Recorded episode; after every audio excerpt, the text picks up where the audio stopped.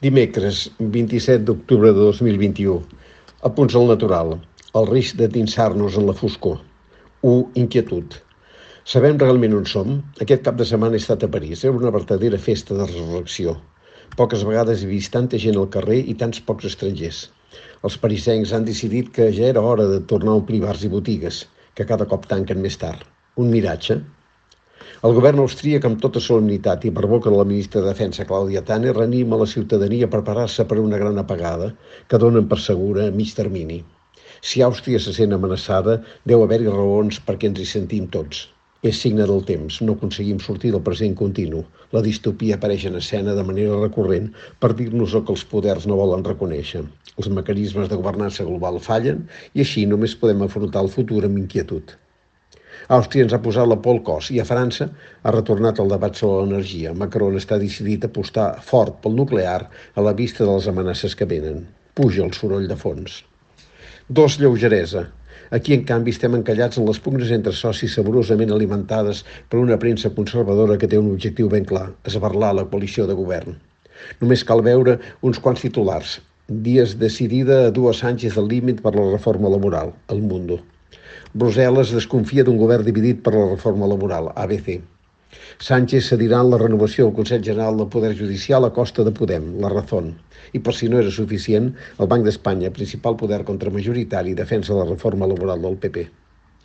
La batalla política en curs no té cap secret. Amb l'esfondrament de Ciutadans l'escenari s'ha clarificat. Hi ha dos blocs definits, un enfront de l'altre, PP-Vox contra PSOE, Podem i la majoria parlamentària que el recolza.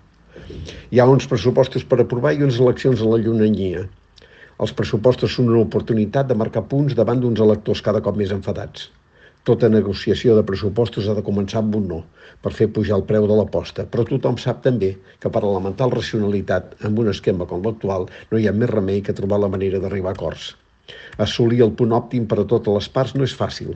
Tothom ha de fer concessions i tots tenen por de perdre els més enrabiats i exigents de cada casa. És la inquietud de Podem, que després de la sortida de Pablo Iglesias busca una ubicació que no significa reduir el nínxol. I és la preocupació de l'independentisme amb els seus líders sempre tan susceptibles a l'acusació de traïdors. Però uns i altres saben que l'alternativa al govern espanyol actual és el retorn de la versió més radicalment conservadora de la dreta espanyola. Unitat patriòtica sense límits i judicialització permanent de la política.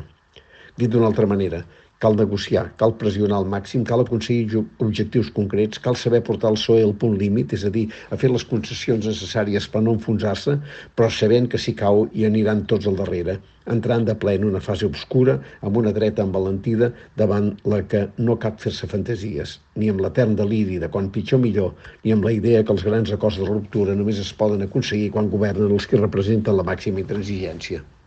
Podria ser així en una situació en què l'Estat es sentís realment amenaçat, que no és ni de lluny la nostra, com es pot veure cada dia. Per tant, hi ha d'haver exigències. S'ha de forçar Sánchez a sortir de la seva comoditat. No pot pretendre que tot li surti de franc. Però per molt que alguns sectors econòmics catalans i les seves terminals polítiques puguin especular amb el retorn de la dreta, la majoria ha d'entendre la magnitud de la catàstrofe en un moment en què ja hi ha massa expulsions al món que van en la direcció autoritària prou fosc és l'horitzó com perquè la manera que alguns tenen d'entendre la defensa dels principis ens condemni a una doble dosis de foscor.